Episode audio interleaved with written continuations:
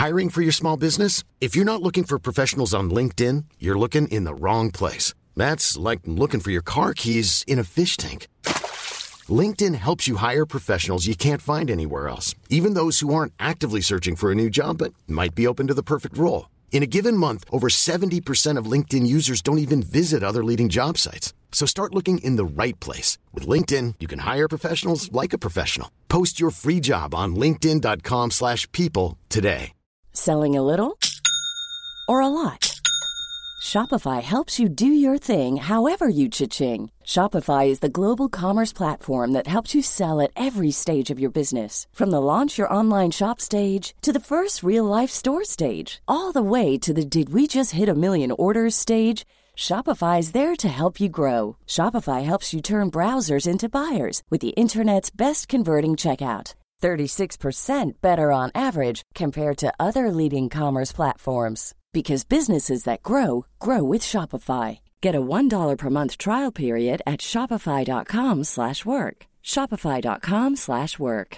Hey Dave. Yeah, Randy. Since we founded Bombus, we've always said our socks, underwear and t-shirts are super soft. Any new ideas? Maybe sublimely soft or disgustingly cozy. Wait, what? I got it. Bombus Absurdly comfortable essentials for yourself and for those facing homelessness. Because one purchased equals one donated. Wow, did we just write an ad? Yes. Bombas. Big comfort for everyone. Go to bombas.com slash ACAST and use code ACAST for 20% off your first purchase. Islands historia fram till Snorre. I 300 000 år har människan laddat omkring. Och det här är vad de har ställt till med.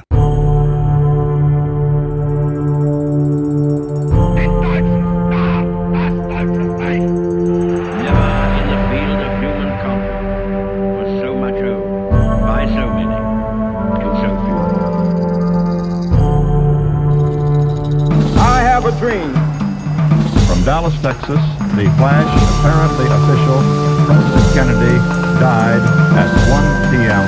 Central Standard Time. It's one small step for man, one giant leap for mankind. Statsminister Olof Palme är död. På eftermiddag, World Trade Center i New York brinner. Nu blir det historia med Dan Hörning och Cornelia Boberg. Och med det så börjar vi dagens avsnitt. Vi besökte Island senast i Axlarbjörn och nu är det dags att återvända till den här vulkanön. Det låter som att det både är varmt och kallt på en och samma gång. Ja, det stämmer. Varma källor och en massa is. Uh. Det här är den första delen i en, någonting som påminner om en serie, men avsnitten är lite självständiga. Så jag kommer först att prata om Islands historia fram till Snorre. Sen kommer jag att prata om Snorre och sluta fnissa, jag pratar alltså om den store författaren och lagsagomannen Snorre Sturlason som ni ska få höra om i nästa avsnitt. Och lite om i det här också. Alltså har man döpt sig själv till Snorre, är det svårt att ta honom på allvar. Det var hans föräldrar som döpte honom. Oj, det är som man vet att någon hatar sitt barn. I det tredje avsnittet kommer vi återvända till eh, alla lyssnares favoritserie, Fanns någon på riktigt? Och då kommer vi prata om Fanns Oden på riktigt? Åh, oh, spännande. Och det trodde ju bland annat Snorre. Och när vi är klara med det så kommer vi gå in på den sörja som är nordisk mytologi. Vi kommer prata om hur en gigantisk ko slickar fram saker ur isen och skapar tillvaron. Och sen kommer vi att förstöra allt det där i Ragnarök. Och exakt hur många avsnitt det kommer att bli vet jag inte än. Det här med den stora kon tycker jag är, det är ju den skapelseberättelse som make mest sens. Det är nog den skapelseberättelse som är mest konstig av alla. Men det kommer vi tillbaka till om tre avsnitt. Men för att kunna berätta nordisk mytologi så måste vi prata om Snorre först. Det var ju han som skrev den prosaiska Eddan. Eller Snorres Edda. Tycker du att namnet på min författare och lagsagoman är roligt? Det är jättekul. Då skulle du höra om hans bror, Kuke Långfare. Då ska du få höra också om den store Korresnorre. Men det är ju du. Nu är det så här att för att kunna berätta om Snorre och om nordisk mytologi så måste vi först gå in på Islands historia. För det här har jättemycket med Island att göra. Vi måste berätta Islands historia fram till att Snorre blir myndig. När blir han myndig? Det kommer jag återkomma till. Men Islands historia fram till då runt år 1200 är inte så lång som man skulle kunna tro. För ingen verkar ha känt till att Island överhuvudtaget fanns innan 800-talet. Förutom möjligtvis några förvirrade munkar från Irland som vi pratade om i Axlar björn. Men Island fanns ju där ändå. Och då tänker ni som har lyssnat på Nu blir historia. Vilka dinosaurier bodde på Island? Vad tror du Kåre? Nej, jag vet inte. Det var inga dinosaurier som bodde på Island. De hittar inte dit heller. Nej, och det berodde inte på att de inte hittade dit. Det berodde på att Island inte fanns. När stenen träffade jorden så gjorde den ingen skada på Island. För Island hade kommit upp ur havet än. Island är en vulkanö. Aha. Jag kan föreställa mig att de här munkarna som gav sig ut på sin eh, trip, du vet i Sagan om ändringen, när... Du får inte referera till Sagan om ändring. Den är för intern. Men en av mina favoritrepliker är när Fro, de, de åker båt och de ska precis liksom lägga till och Frodo utbrister Åh nej, vi går på grund! Och Sam säger För helvete Frodo. Och jag tänker att det är exakt samma för de här irländska munkarna. Jag ska återkomma till de irländska munkarna. Men först tänker jag ska börja Islands historia med den episka händelsen att Island kommer upp ur havet. Själva hela ön och alla kringöar är alltså skapade av vulkanisk aktivitet. Där vill man bo. Det innebär alltså att Island inte alls är som till exempel Sverige eller Norge som har funnits hur länge som helst geologiskt. Utan Island är sprillans nytt. Det är en av de yngsta platserna i hela världen. Islands skapelse började för mindre än 20 miljoner år sedan. Och stenen var ju 66 miljoner år sedan. Och Island kommer fortfarande upp ur havet. Och den vulkaniska aktiviteten är enorm jämfört med de flesta andra platser på jorden. Så vulkaniska utbrott längs den atlantiska plattan på havets botten skapar ett berg. Och det här berget växte och växte tills det kom upp ur vattnet. Och jag tänker mig att det gjorde det till storslagen musik. Bara, tada, ett nytt land. Och sen gick det alltså någonstans runt 20 miljoner år innan någon hominid upptäckte Island. Och islänningarna särskiljer sig från samtida andra nordbor. Medan svenskar, norrmän och danskar ägnar sig åt någonting helt annat i tidig medeltid. Så sitter islänningar och skriver ner massor av saker. De är otroligt duktiga på att skriva ner saker. Och den tidiga bosättningen på Island skriver islänningarna själva om i landnamnsboken. Det roliga var ju att när jag gjorde research för Axlabjörn så var det så här, de skrev inte ner någonting, vi har ingen aning. Nej, men de slutade på 1500-talet tydligen. Men på 1200-talet skrev de ner massor. Så våra främsta källor till isländsk historia är islänningarna. Och då måste vi gå in på hur vikingar upptäcker saker. Vikingarna är inte som 1400-tals portugiser eller 1500-tals upptäcktsresande. Utan de åker alltid fel. Och då upptäcker de någonting. Och i början av 800-talet hittade de Färöarna. Och under mitten av 800-talet reste nordbor regelbundet till Färöarna. Men några av dem åkte fel. De drevs av havets vindar. Och så kom de till ett mycket, mycket större ställe än Färöarna. Och bara, oj, ett nytt land, vad roligt. Och senare skulle folk försöka åka till Island, och åkte fel, kom till Grönland. Sen försökte folk åka till Grönland, åkte fel, kom till Vinland, alltså Amerika. Alltså om de åker ut och tänker att ah, nu ska vi besöka Island Ja, och så hamnar de på Grönland, vet de om att de har åkt fel? förhoppningsvis har de med sig någon som har varit där förut tycker, "Ja, grabbar det här är fel. Men de åker fel och det här är ändå bara de som faktiskt kom tillbaka efter att ha åkt fel. Så man kan ju undra var vikingarna hamnade i övrigt när de åkte fel. Det blev nog lite Titanic av det. Ja, det är ju faran. Tänk vikingar, Amazonas, det blir inget bra. En av de första som åkte fel när han skulle till Färöarna var en svensk. Jaha, Gardar Svavarsson. jaha han. Ja, han bara, oj vilken stor ö. Den måste jag ge ett eget namn. Så att folk vet vad det är för ställe. Det är jag som har upptäckt det. Och Gardar bestämde sig att det enda rimliga namnet på Island var Gardarsholm. Så Island kunde mycket väl ha hetat Gardarsholm idag om svenskar hade varit någonting att räkna med på den tiden. Men sen kom ju förstås en norrman dit. Och han lyssnade inte på Gardar. Nej, vem gör det? Eh, Han heter Nadododor. Nadodor. Hans namn var väldigt svårt att uttala. Hette han det på riktigt? Ja, han hette Nadodr. Och han ville inte kalla ön för Nadodrholm. Utan han tyckte det är jättemycket snö här. Så han döpte Island till Snöland. Oj, wow. Det hade varit jättebra. För när de sen upptäckte Grönland, då hade man kunnat kalla det för Island, för det har ju mera is än vad Island har. Mm. Snöland, Island hade varit jättelogiskt. Men ingen lyssnade på Nadodr, för att han hade förmodligen ett alldeles för svåruttalat namn. Men sen kom Korpfloke. Nej. Floke Viljardsson. Även han från Norge. Varför hade folk så fula namn för? Men han kanske hade lagt märke till det här att folk döpte den här ön hela tiden. För om någon nu kände till Gardars namn eller Nadadrdrs namn. Fast jag känner till dem, så de måste också känna till dem kanske. Men Floke hade en plan för att han skulle få mer inflytande. Han hade en radikal idé. Han bara, jag ska bo på den här ön en hel vinter och visa att det går. Så han bodde en vinter på Barbastrond vid Breda fjordur. Och Folke, Korp, äh, förlåt, Korpfloke, anses vara den första personen som åkte till Island avsiktligt. Alltså både Gardar och Nadodoror åkte fel. Och då kommer vi till de här irländska munkarna jag nämnde i Axlarbjörn. De ja. Det har hävdats att det fanns irländska munkar som hade åkt till Island för att få vara i fred, för att komma undan från allt jobbigt folk och sitta och tänka på Gud, som man gjorde gärna på den tiden. Och då ville man vara ostörd. Men det har aldrig hittats några spår av de här irländska munkarna. Så nu är det inte längre en sanning.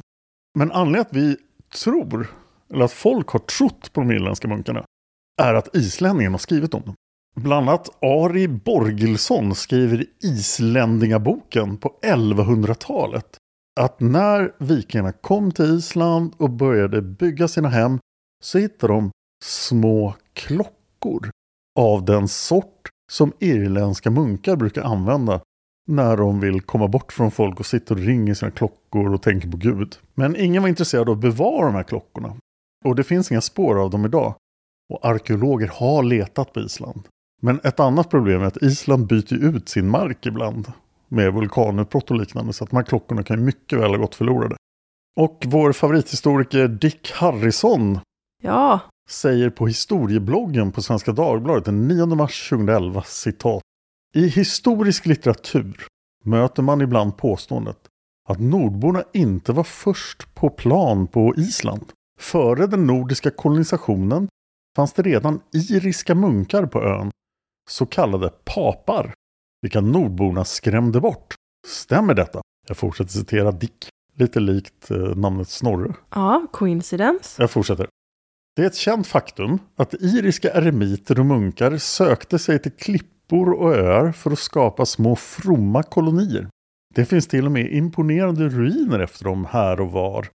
Till exempel på den Unesco-skyddade ön Skellig Michael utanför sydvästra Irland. Resorna nämns både i iriska och fornnordiska källor.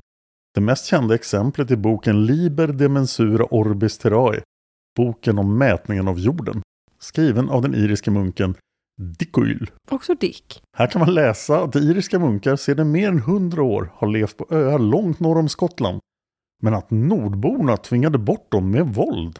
Att döma av tidsangivelsen skulle detta ha hänt under första hälften av 800-talet, vilket svarar väl mot att nordborna koloniserade Färöarna omkring 825. Slut citat Dick Harrison. Men Dick är skeptisk i den fortsatta artikeln.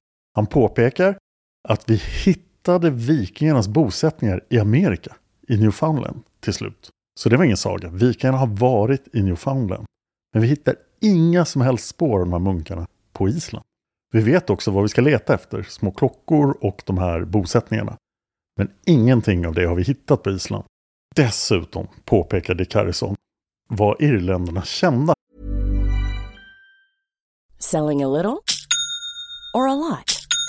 Shopify helps you do your thing however you cha-ching. Shopify is the global commerce platform that helps you sell at every stage of your business. From the launch your online shop stage to the first real life store stage, all the way to the did we just hit a million orders stage. Shopify is there to help you grow. Shopify helps you turn browsers into buyers with the internet's best converting checkout. 36% better on average compared to other leading commerce platforms because businesses that grow grow with Shopify. Get a $1 per month trial period at shopify.com/work. shopify.com/work.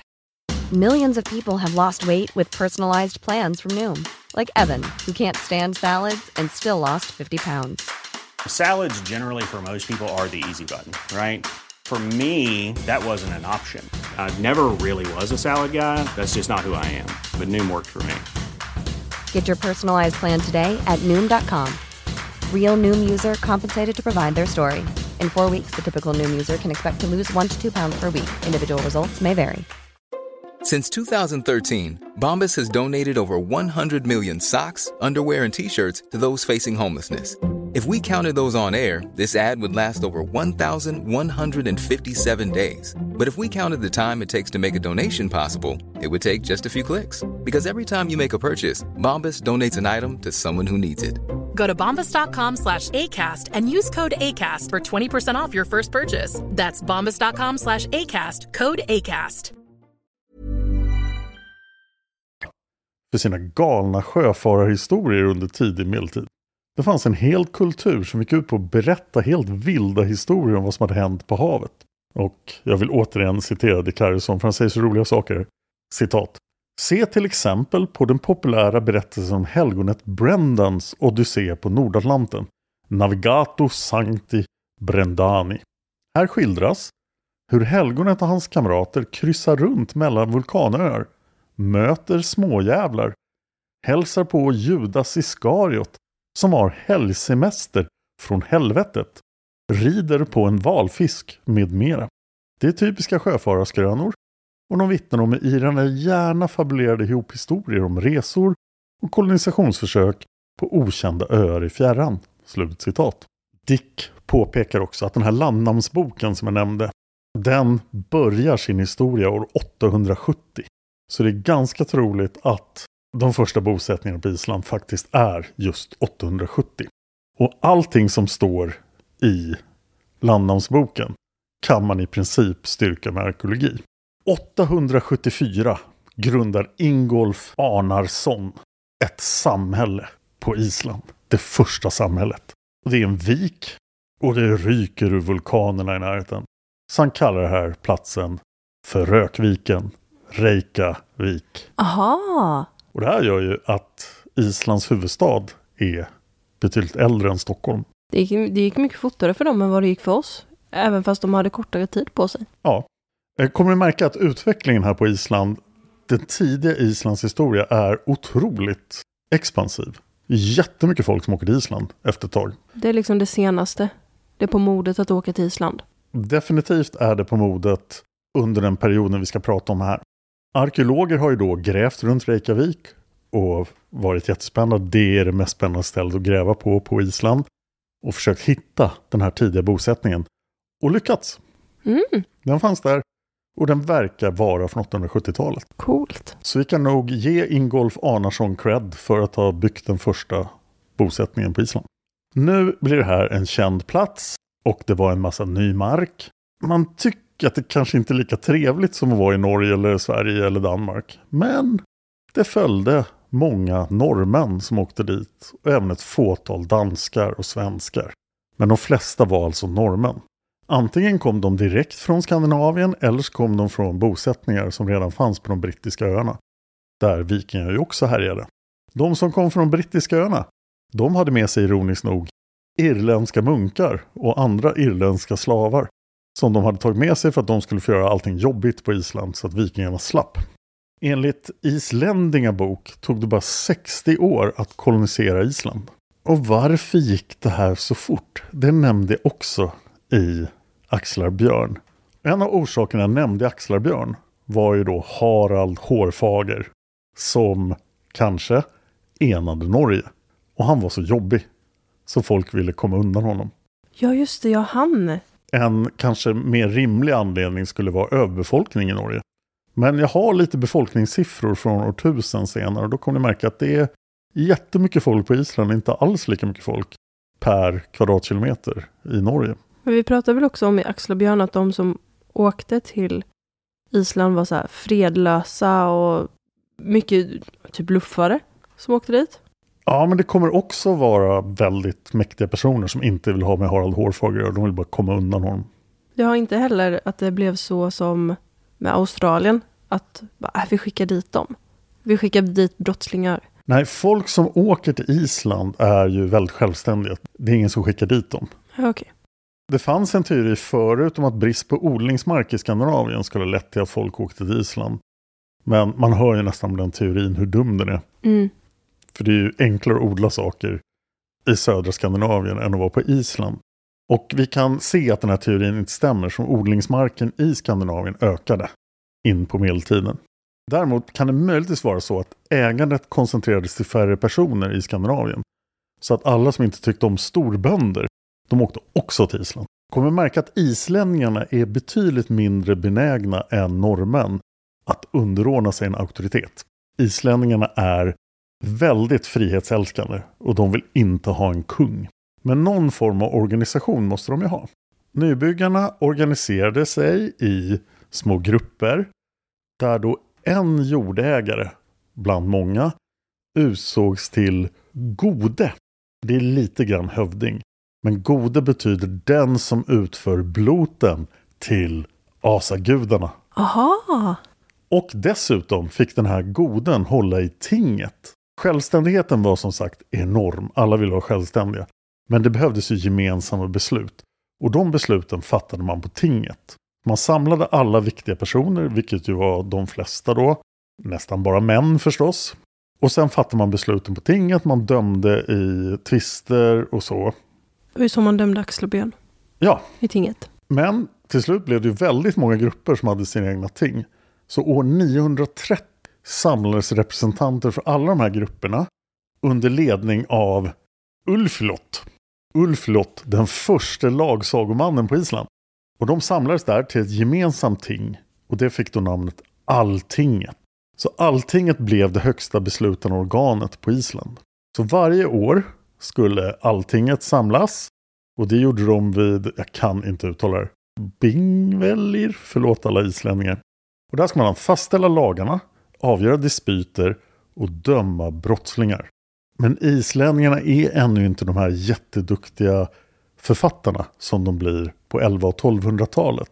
Så att ingen kunde skriva ner lagarna. Utan lagsagomannen fick uppdraget att memorera alla lagar. Vilket gjorde honom då till en otroligt viktig domare på alltinget. Och kanske på ett sätt den mäktigaste mannen på Island. För han hade ju tolkningsföreträde vid alla lagar. Sen kunde folk säkert tjafsa med honom, men jag kommer också ihåg den här lagen. Du sa förra året att den lät så här. Och lagsammannen bara... nu är det så här, nu får ni lyssna. Och den första var då Ulfljot. Man tror att de här lagarna som gällde på Island då var inspirerade av den norska Gulatingslagen. För det fungerar ju lite grann på liknande sätt i Norge. Men de här små tingen fanns fortfarande kvar. Men stora frågor kunde skickas vidare till alltinget. Däremot fanns det ju ingen konstitution som förklarade vilken makt alltinget faktiskt hade. Och så fort man inte var överens om vad alltinget kunde göra och inte göra, då löste man det på ett annat sätt, nämligen med våld. Och ibland kunde det här våldet utspela sig på själva tinget. Dessutom hade de ju förstås trial by combat. Nej, vad kul! Ja, Åh, att om det var verkligen nej, så här är det inte, jo det är visst så här, okej vi avgör det här på ett sätt, gudarna får avgöra. Vi utser varsin kämpe och spöar på varandra. oh, I command trial by combat. Jag har döpt en åsna till dig, hej dig. Trial by combat. Ja.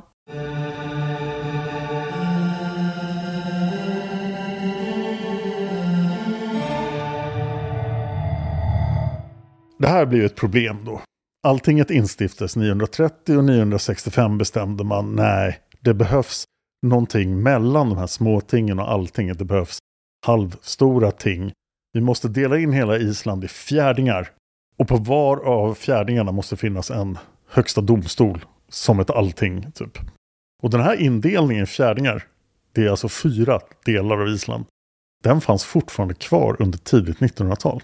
Så det var då sydlänningarna, västfjordsborna, nordlänningarna och östfjordsborna. Men den här indelningen var inte heller alla som gick med på. Så att man bestämde att varje bonde kunde ställa sig under vilken gode som helst. Så om man inte gillar sin lokale gode kunde man säga nej, jag lyder goden på andra sidan Island. Och det måste bli lite jobbigt. Dessutom lyckades alltinget och islänningarna skapa en egen tideräkning. Det här var innan den kristna tiden, de var inte kristna. Så att det här med att räkna tiden var lite klurigt. Och islänningarna strukturerade sätt att räkna tiden som skiljer sig helt från alla andra sätt att räkna tiden. Det här med att vara självständiga. Ja, året var 364 dagar. Det var 12 månader med 30 dagar och fyra skottdagar. Hur backade de upp den vetenskapen? Ja, de hade väl räknat antalet dagar, men de hade räknat fel, för det är 365 dagar och lite mer på ett år. Men då kom Torstein Surt och bestämde att det skulle vara en skottvecka vart sjunde år för att få in en extra, och då blev det mycket bättre. Islänningarna fortsatte lappa sin egen tidräkning ända in på 1900-talet. Men nu räknar islänningar tid som vi andra. Våld var alltid nära till hands på Island. Och när det blev konflikter, då samlade man sina kompisar och gick iväg och spö på andra. Men det var inga slag på den här tiden. Utan det kunde vara 12 eller 24 man som gick iväg och spöade på 12 eller 24 man. Och sen var det avgjort. Men trots allt det här våldet då så fortsatte samhällsutvecklingen. Mellan 1003 och 1030 så var Skapte Torodsson lagsagoman. Och då var det mycket bråk. Men vid slutet av Skaptes tid som lagsagoman så hade den isländska fristaten i princip nått sin form. Nu var det en stat. Och de flesta var med på tåget. År 1004 skapade de en rättsförfattning som lagsagmannen fortfarande tvungen att memorera antar jag. År 1006 kom de på att trial by combat, holmgång, inte längre var ett bra sätt att avgöra tvister. Ja. Och vi kan ju ana vad det finns för inflytande här. Varför vill islänningar bli av med trial by combat? Mhm. Vad tror du är som påverkar dem? Jesus har kommit. Ja, Jesus börjar nå ön. Och anledningen att kristendomen kommer så tidigt till Island jämfört med Sverige är att islänningarna är ute på havet hela tiden. Så Island är ju inte så roligt att ge sig in i mitten och det finns ingenting där. Utan för att göra något vettigt måste islänningar resa, de reser långt. Och då blir de förstås påverkade av kristendomen. Men här har vi alltså den isländska fristaten, den som Norge kommer att krossa till slut. Men det ska vi prata om i nästa avsnitt. Men här är en stat fylld av fria män och deras ofria kvinnor. Men alla är extremt självständiga. Det enda som gäller är alltinget domar. Svåra frågor avgörs på alltinget. Men i övrigt så finns det ingen kontroll från staten. Utan rättegångar är hur allt offentligt liv ter sig. Liksom allting avgörs i rättegångar. Men hur, hur väljs folk till eh, alltinget? Det är ju då godarna. Mm. De godaste godarna. Ja. Och sen var ju förstås vilken klan är du? Vilken släkt tillhör du? Vad har släkten för makt? Och det fanns ju förstås blodsfejder. Du dödade min kusin, nu ska jag döda din kusin. Så alltinget hade mycket att göra. Och man ser i de här lagarna att det handlar jättemycket om personlig hederskänsla.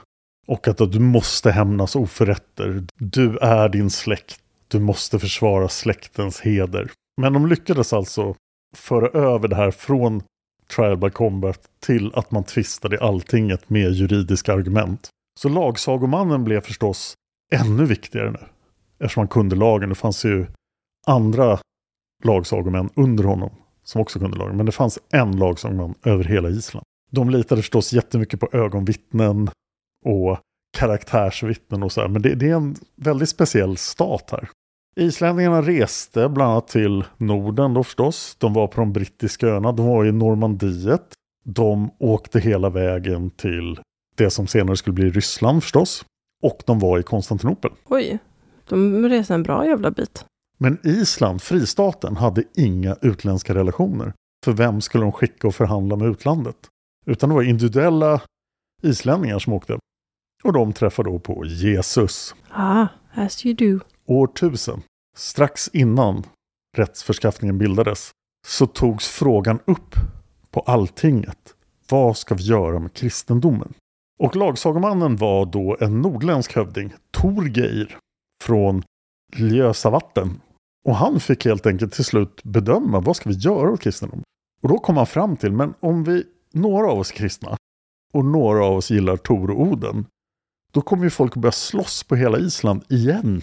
Vi har ju precis lugnat ner oss. Så därför bestämde han att alla på Island skulle döpa sig. Och kristendomen blev obligatorisk redan år 1000 på Island. Oj, vad tidigt. Kristendomen spred sig som en sjukdom. Det blev två biskopar, en i Nordlandsfjärdingen och en till. Men folk hade ju för sig jättemycket konstiga saker. Som vi ska prata om i nästnästa avsnitt. Vad gjorde egentligen de som trodde på Tor, Frej och Oden? Och det här var ju då jobbigt för de nya biskoparna. Men de löste det genom att vara oerhört förlåtande. Bland annat fick inte en kristen på den här tiden äta hästkött. Men kyrkan blundade fullständigt för det på Island. Det var i princip ät ditt hästkött men gör det i smyg. Visa inte att du äter det. Gör det hemma. Och med kristendomen på 1000-talet kommer förstås munkar. Jättemycket munkar. Det bildas fem munkkloster på Island. Oj. Och det här är de irländska munkarnas hämnd, om de nu var där och blev bortdrivna. Nu är munkarna överallt på Island. Och, och de vill ha trial by combat. Nej, det vill de verkligen inte. Ah. De vill sitta där och göra munkgrejer, be en massa och fasta och ha det jobbigt. De låter ju inte så jävla farliga om de bara ska åka dit för att fasta. Och med munkarna kommer skrivkonsten. Aha, ja, ja. Det kan de ju Munkarna behöva. kan läsa och skriva. Fan, de hade ett S i rockärmen. På ingen tid alls får Island tre helgon. Och det här reagerade på jättemycket som jag tänkte att Sverige har bara ett helgon, heliga Birgitta, och Norge har bara ett helgon, Olof den helige. Men det visar sig att på 1000-talet kunde biskopar bestämma vem som var helgon. Så det var de här två biskoparna som bara du är ett helgon, du är ett helgon. Jag vill vara ett helgon. Vem bestämmer det? Att jag är ett helgon? Ja, nu är det nog påven. Hmm. Den här isländska kyrkan, som alltså nu börjar få väldigt mycket makt på ön, den är ju också självständig och inte underställd någon. Det här tycker inte påven om. Så 1104 måste Island lyda under en ärkebiskop. Och det blir givetvis ärkebiskopen i Lund. Mhm. Det vill säga den danska ärkebiskopen. Jaha, ja, ja, ja. Hon är dansk. Men 1152 överfördes överheten över den isländska kyrkan till Nidaros. Alltså den norska ärkebiskopen i Trondheim. Och det här gjorde då att Island blev mycket mer som andra länder. Men fristaten fanns kvar. De accepterade kyrkan, men de accepterade fortfarande inte en kung. Utan det var godarna som bestämde och alltinget. Och alla var så här jättesjälvständiga. Godarna hade också väldigt stort inflytande på kyrkan. Men stod de över kyrkan? Nej, men när de skulle utse då vilka ska vara präster och biskopar, då var det ju folk som hade antingen var godar eller var i deras familjer. Det här gjorde också att eh, någon från fastlandet tyckte men präster får inte gifta sig i katolska kyrkan. Och då tyckte islänningarna bara va? Och så gifte de sig ändå. Biskoparna försökte hävda att de hade lika mycket makt som i Europa. Men det tyckte inte islänningarna. Så biskoparna fick bestämma över kyrkliga saker. Men de fick inte bestämma på alltinget. 1118 var Bengtor Rafnsson, alltså Korpsson, lagsagoman. Och då började folk till slut skriva ner de isländska lagarna. Så nu behövde lagsagoman inte längre komma ihåg varenda lag alla hade skapat på Island. Fan vad gött att bara kunna hitta på en lag egentligen. Så bara, kommer ni inte ihåg att jag sa det här förra året? Synd för er. Ja, men det var det slut med 1118. Konstigt nog, det här låter ju inte som ett idealsamhälle. Men det var oerhört populärt bland nordbor. Så folk fortsatte att flytta till Island. De ville vara i den isländska fristaten. Nu var det ju kungar i Norge, Danmark och Sverige. Men de slapp man på Island. Så Island hade år 1096 100 000 invånare. Oj, Ungefär. hur mycket har de idag? Idag har Island 372 000 invånare. Det innebär alltså att Island inte ens har fyrdubblat sin befolkning sedan 1096. Medan i övriga Skandinavien, alltså Sverige, Norge, Danmark, fanns det kanske en miljon människor år 1096. Och idag över 20 miljoner. Det förklarar ju också väldigt bra att isländska är det närmaste språket vi kommer fornnordiskan. Ja. Den här en miljon människorna som bodde i Norge, Sverige och Danmark, de bodde huvudsakligen i Danmark.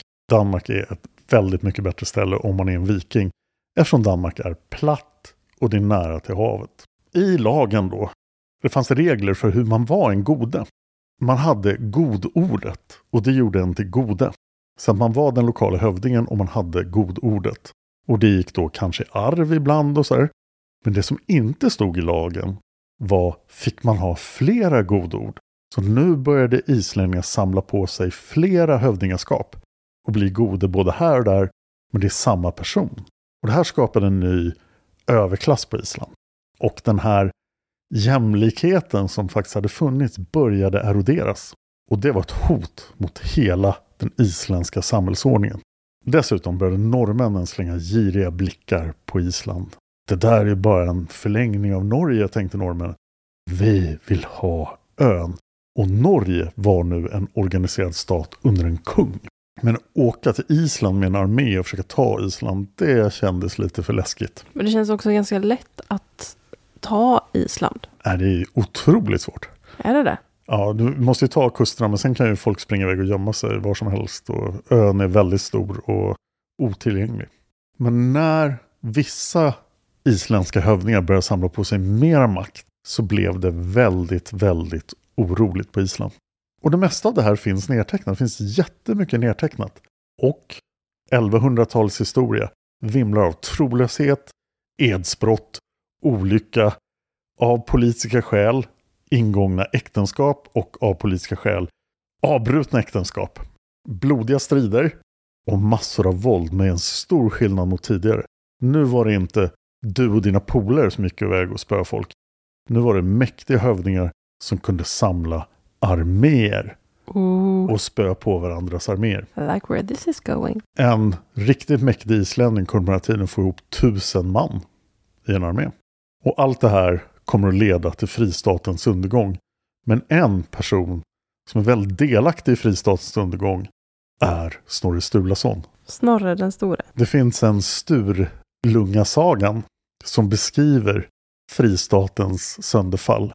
Döpt efter den mäktigaste ätten på hela Island, Sturlungarna. Och i det andra ledet av de mäktiga männen av Sturlungarna finns Snorre Sturlason. Och han ska göra saker. Han är en av överklassen. Han är en av de riktigt mäktiga männen på Island. Hans pappa var den som betraktas som Sturlungarnas anfader, Vamsturla. Vamsturla var född 1116 och hade sitt hövdingasäte på gården Vamr vid Breidafjorden, eller Breidafjordur.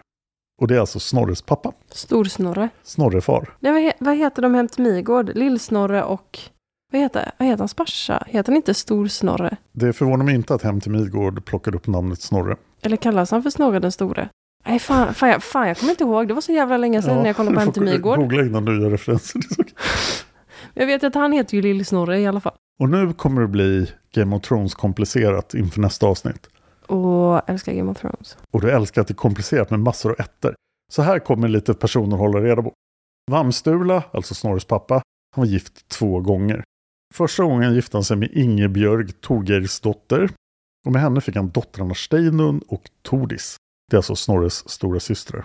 Hans andra hustru var Gudny Bödvarsdotter från Gardar. Gudny fick massor av ungar med Vamsturla. Hon var mamma till bröderna Tord, Sigvatt och Snorre Sturlason. Samt döttrarna Helga och Vigdis. Vamsturla kunde inte hålla sig till sina två fruar som han hade i seriell monogami. Utan han hade även ett antal frillor. Mhm. Två av dem är kända till namn. Det är Olof Wilhelmsdotter och Gudfinna. Hon låter väldigt kristen. Ja, hon har funnit Gud. Det finns sex kända frillobarn till Vamsturla. Men de ska vi inte lägga på minnet nu. Så vi pratar alltså 13 barn till Vamsturla. Han har legat i. Ja, och kommer att märka att väldigt många viktiga personer på Island härstammar från Vamsturla. Men de två jag vill att du och lyssnarna ska komma ihåg är Snorres två storebröder. Tord och Sigvatt. Kända förstås som Tord Stulason och Sigvatt Stulason. De två kommer tillsammans med sina närmaste släktingar, deras söner och deras döttrars män, att skapa kaos på Island. Åh, Men Snorre kommer också göra det. men de är inte på samma sida. Ibland och ibland inte. Mm. Det beror på hur läget är. Flera av släktingarna, flera av Vamsturles anhöriga, blev framstående författare. Inte bara Snorre Sturlason. Utan många isländska sagor är nedskrivna just av Sturlungarna. Vilka struliga ungar. Så vi vet att Vamsturla var en kåt jävel. Men vad vet vi egentligen mer om Snorres pappa? I Sturlungasagan finns det en del som heter Sturlus saga. Och där står det om Vamsturla. Vamsturla beskrivs som en slug, ärelysten och hänsynslös man. Och genom rättshaveri och stridslystnad orsakade han flera fejder. Och det ledde då till den här långvariga maktkampen mellan stormän på Island som kom att prägla hela Sturlungatiden. Och Sturlungatiden är tiden innan fristatens undergång. Så fristaten är på väg rakt in i väggen. Och det är Vamstulas fel. En av Vamstulas många fiender hette hövdingen Einar Torgilsson som höll till på Stadarhöll. Vamstula gillar inte honom och den 21 oktober 1171 segrade Vamstula i slaget vid Sälingsdal och då ansågs Vamstula vara den mäktigaste hövdingen i Breidafjordsdalarna och det är där saker hände runt Breidafjordur. Tio år senare gick det inte lika bra för Vamstula. 1181 tvingades han ge vika för hövdingen John Loptson. Det här var en juridisk tvist. Både Vamstula och John Loptson ville ha arvet efter den rike Tore Präst. Tore Präst hade massor av pengar men hade tagit med sin hustru på en pilgrimsfärd och dött. På resan hade Tores hustru också fött ett barn. Och det barnet hade också dött. Så tre döda på pilgrimsresan. Men vem dog i vilken ordning påverkade vem som skulle ärva alla Tore Prästs pengar. Förstår du problemet? Ja, för att om, om Tore dör först så ärver ju sonen. Ja. Om sonen dog, då skulle frun ärva Tore Präst om han dog före frun. Så vem dog sist av de här tre avgjorde då vem som skulle få pengarna. Gudny, alltså Snorres mamma, hennes pappa, Vamstulas svärfar, börjar bli komplicerat än. Bödvar. Det hade varit lättare om deras namn hade makat mer sens. Bödvar, han drev att arvet skulle gå till Tores syster och blir kvar i ätten. Men John Loptson, kommer du ihåg, Vamstulas fiende, han var domare i målet och dömde annorlunda. Han hävdade att Tores hustru hade överlevt sin make och det fanns ett vittne som styrkte det. Och då skulle arvet alltså gå till hustruns arvingar. Här kände sig Vamstula tvungen att gå in och stödja Bödvar, hans svärfar, med all sin makt. Och det här kom upp till alltinget. Vid det laget hade John Lopson hotat dräpa tre av Stulas män för varje man som Vamstula skulle ha ihjäl om det blev en fight. Det hör till saken att John Lopson var Islands mäktigaste man här, inte Vamstula. Så Vamstula backade till slut för han kunde inte ta den här striden. Så John Lopson vann, men då var det jättedålig stämning, kriget låg nära. Och John Lopson erbjöd sig då att ta hand om Vamstulas yngste son och ge honom en uppfostran. Och alla visste att John Lopson hade samlat på sig den mesta kunskapen på Island. Han hade alla böckerna, han hade liksom ett centrum för kunskap. Det var i hans gård som man skulle vara om man ville lära sig någonting. Så det här var ett bra erbjudande för Vamstula. Oj, min yngste son kommer att bli jätteduktig på allt det där tramset om världen och kunskap och så här. Och det här var också i den här hederskulturen en väldigt undergiven sak att göra. Att jag tar hand om min son och uppfostrar honom. Det är alltså ingen gisslansituation. Utan John Lopson räcker här ut en hand till Vamstula och Vamstula tar den. Och på så sätt försvinner konflikten i stort. Men Snorre hamnar som en jätteliten pojke i ett annat hem. Och han är tre år gammal när det händer. Ja, snacka om lille Snorre. Så Lill-Snorre skickas till John Lopsons stora, rika gård med en andlig och litterär miljö. Och där får Snorre lära sig läsa och skriva. Och han pumpas full av kunskap och gamla sagor. Vid det här laget är Island fullständigt kristet och folk har börjat glömma bort de gamla legenderna.